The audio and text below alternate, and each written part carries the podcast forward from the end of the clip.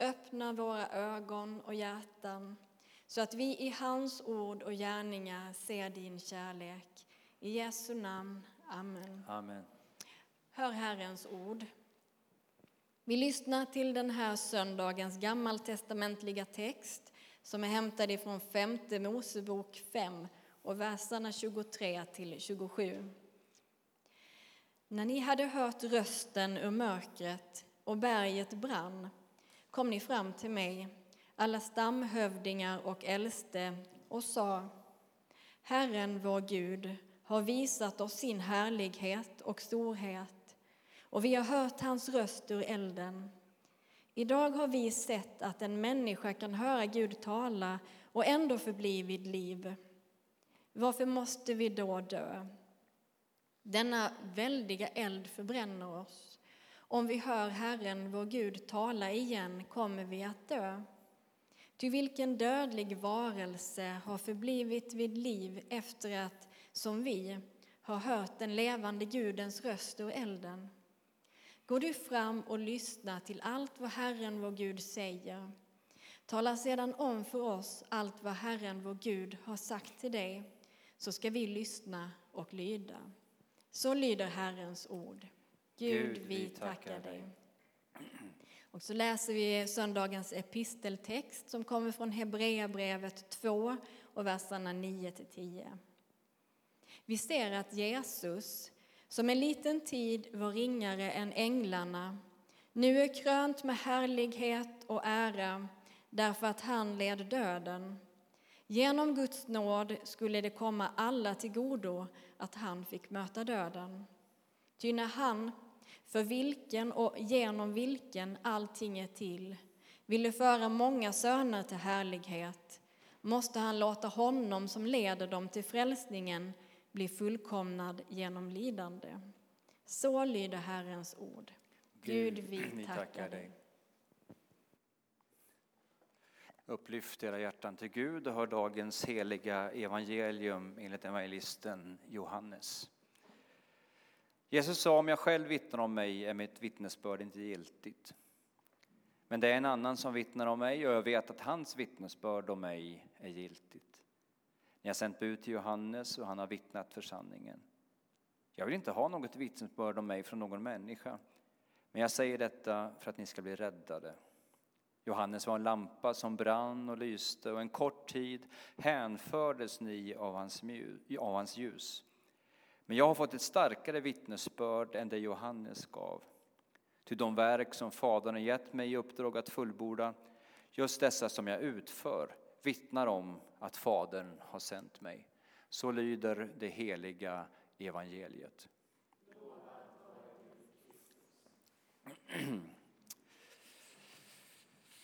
Jag är ju ett pastorsbarn. Är det någon mer som är pastorsbarn? Eh, visst var du också det? Jag har för mig det. Ja. I Vadstena eller ja. Jag var i finare städer än vad du var. Men eh, Örtomta. Och min pappa, jag minns inte jättemycket av hans predikningar, men jag minns en, en berättelse han hade. Eh, han pratade om en familj vars eh, lilla son var väldigt, väldigt mörkrädd. Och eh, liksom låg där och var liksom ter terrified, som vi säger på svenska, eh, över liksom mörkret och ensamheten och de försökte på olika sätt trösta honom. Men vi finns ju precis utanför, vi sitter här liksom och, och så. Va? Det tröstade honom inte jättemycket, men sen sa de så här, du ska veta att Gud finns hos dig. Gud är närvarande i ditt sovrum. Och så gick de ut och stängde dörren. Och så stod de utanför och så hörde de den lilla pojken säga så här, jaha, Gud du är visst hos mig, men om du rör på dig, då blir jag livrädd. Pappa använder det oftast som ett uttryck för att om Gud gör någonting annorlunda så blir vi livrädda. Är det bra att vara rädd för Gud? Nej. Men det är väldigt bra att leva i Guds fruktan. I dagens gammaltestamentläsning som Jenny läste för oss så fick det judiska folket uppleva Guds härlighet och storhet. Och då säger de så här, denna väldiga eld förbränner oss. Och de känner ett behov av att skapa en säkerhetsavstånd till Gud. För här upptäckte de att här finns en kraft, en makt som de inte kan bemästra, kontrollera eller styra över. Denna väldiga eld förbränner oss. Och då kan vi tycka så här, ja, så var det ju på gamla förbundets tid, det gamla testamentet. Men jag har ett lite längre citat från Hebreerbrevet där han förkunnar på det följande sätt. Ni har inte kommit till ett berg som man kan ta på, ett berg i lågor, inte till töcken, mörker och stormvind, till basunstötar och en röst som talade så att de som hörde den bad att slippa höra mer. Alltså citat från dagens gammaltestamentliga läsning. Ty de uthärdar inte påbudet, till och med ett djur ska stenas som det rör vid berget. Så förfärande var synen att Mose sa, jag skälver av skräck. Nej, ni har kommit till Sions berg och den levande Gudens stad, det himmelska Jerusalem och står inför mångtusende änglar, en festförsamling av alla förstfödda som har sitt namn i himlen. Ni står inför Gud, allas domare inför andan av de rättfärdiga som har fullkomnats och inför Jesus, förmedlaren av ett nytt förbund och det renande blod som talar starkare än Abels. Se till att ni inte avvisar honom som talar.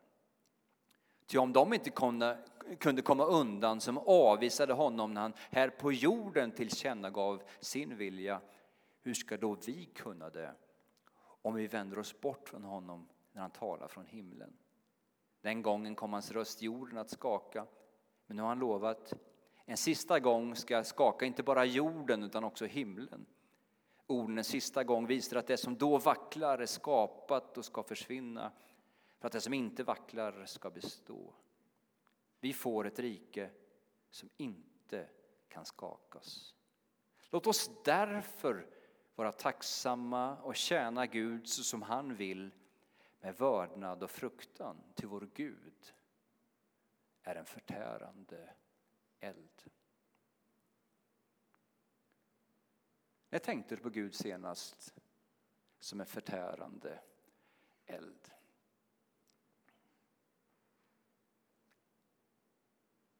Det finns en risk att vi blir så gemytliga och så kompisaktiga med Gud att vi inte heller inser vem Gud egentligen är. Att han är stor, fruktansvärd och helig. Lennart Hörn skriver i en artikel i tidskriften Pilgrim för några år sedan, typ 20 år sedan. Verklig religion kännetecknas inte främst av vissa föreställningar och begrepp utan av en upplevelse av det heliga som ett förskräckande och fascinerande mysterium. Det finns i den bibliska gudsfruktan en inneboende spänning. Den helige är både skrämmande och attraherande. Gudsfruktan kännetecknas både av distans och närhet. Tremendum et fascinosium, som vi lärda teologer säger på latin. Alltså just detta, den här skräckblandade förtjusning. Det har ni väl säkert känt när ni har åkt någon sån här riktig berg och dalbana. Det är underbart om man är livrädd på samma gång. Och min fru har ju en tendens att sätta sig i sådana fast hon hatar det. Mose attraheras av den brinnande busken. Man får samtidigt höra Ta skorna och dina fötter på den mark du står på är helig mark. attraktion och någonting som är större än detta. Som sagt, ett verkligt möte med den levande guden kan just upplevas och bör upplevas om vi nu inte pratar om en tänkt Gud utan en verklig Gud som en skräckblandad förtjusning. Och det har varit det genomgående temat när människor i Bibeln har fått uppleva någonting, en liten skymt av Guds härlighet och Guds helighet. När Jesus, äh, Jesus, när Jesaja menar jag, nu tappar jag micken här. När Jesaja får se Gud på sin tron, vad säger han då? Det här var mysigt. Är det tacos som gäller ikväll? Nej, han säger mig, ve mig, jag förgås. Jag har sett Gud som han verkligen är.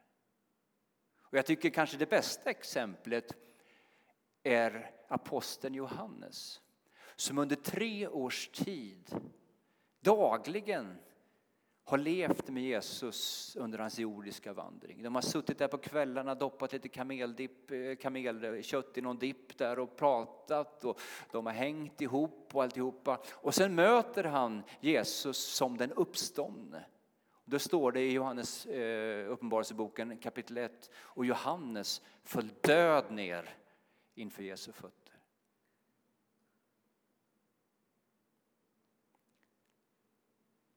Paulus skriver till sin andliga son Timoteus på detta sätt. Öva dig i Guds fruktan. Kroppsövningar är nyttiga på sitt sätt, men Guds fruktan är nyttig på alla sätt med sitt löfte om liv både för denna tiden och den kommande. Och det här har varit mitt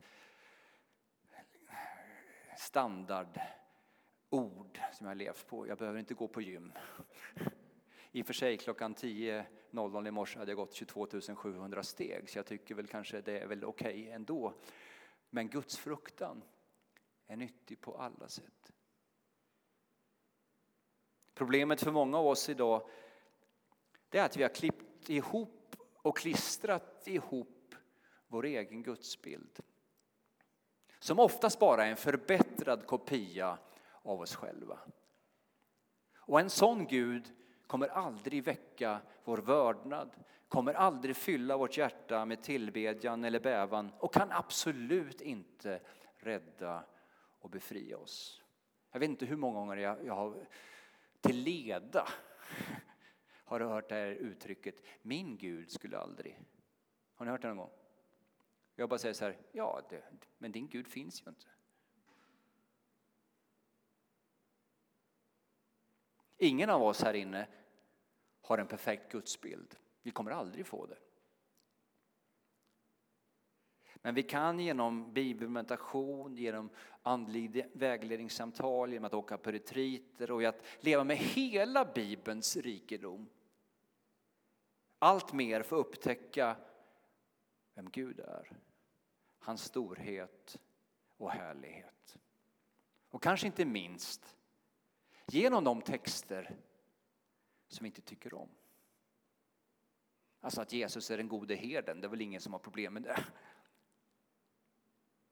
Men det finns andra texter som skaver, som vi har svårt med och som utmanar oss och som vi kanske behöver meditera mer över för att inse att Gud är Gud och vi är begränsade människor.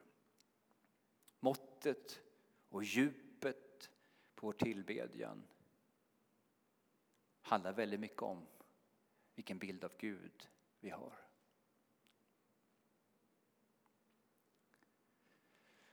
Är det en besk medicin idag tycker ni? Eller? Nej, nej, det här visste du bara härligt. Jag säger, predikar alltid bara härliga saker. Men nu kommer en liten positiv sak då. Guds fruktan är den andra sidan på myntet av vad kärleken är. Kärlek och gudsfruktan är två sidor av samma mynt. Anders Piltz, som eh, Kristoffer Ignell hänger med dagligen, han skriver så här. Om Gud är det dyrbaraste, då var det utsikten att mista Gud det mest fruktansvärda. Det vore helvetet. Helvetet vore att mista Gud. Här är Guds fruktans rot, rädslan att mista den älskade och att göra den älskade illa. Kärleken kan nämligen inte tänka sig att tillfoga den älskade något ont eller att brista i respekt för det dyrbaraste man äger.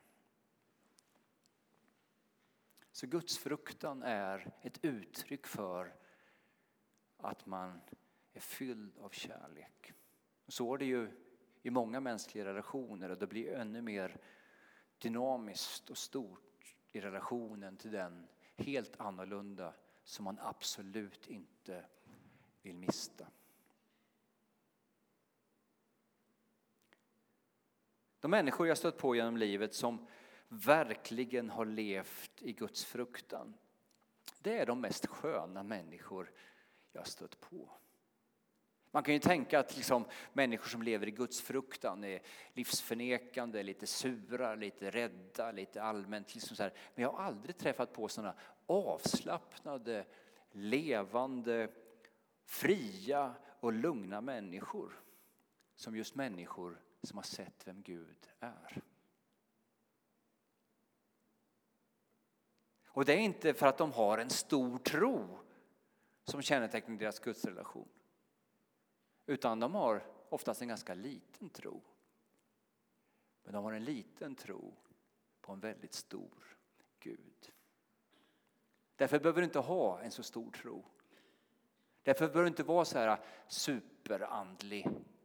Bara du ser vem du kan vila hela din livstyngd emot. Ordspråken säger så här. Fruktan för människor blir en snara. Men den som litar på Herren får skydd.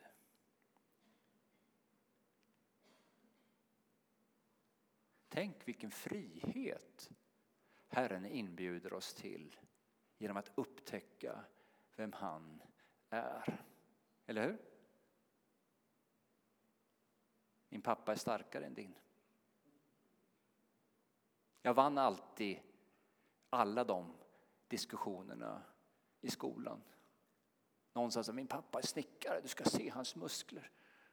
Ah, min pappa då, han är ingenjör, den värsta hjärnan. Jag sa alltid min pappa är pastor, han kan begrava din pappa. Så jag vann.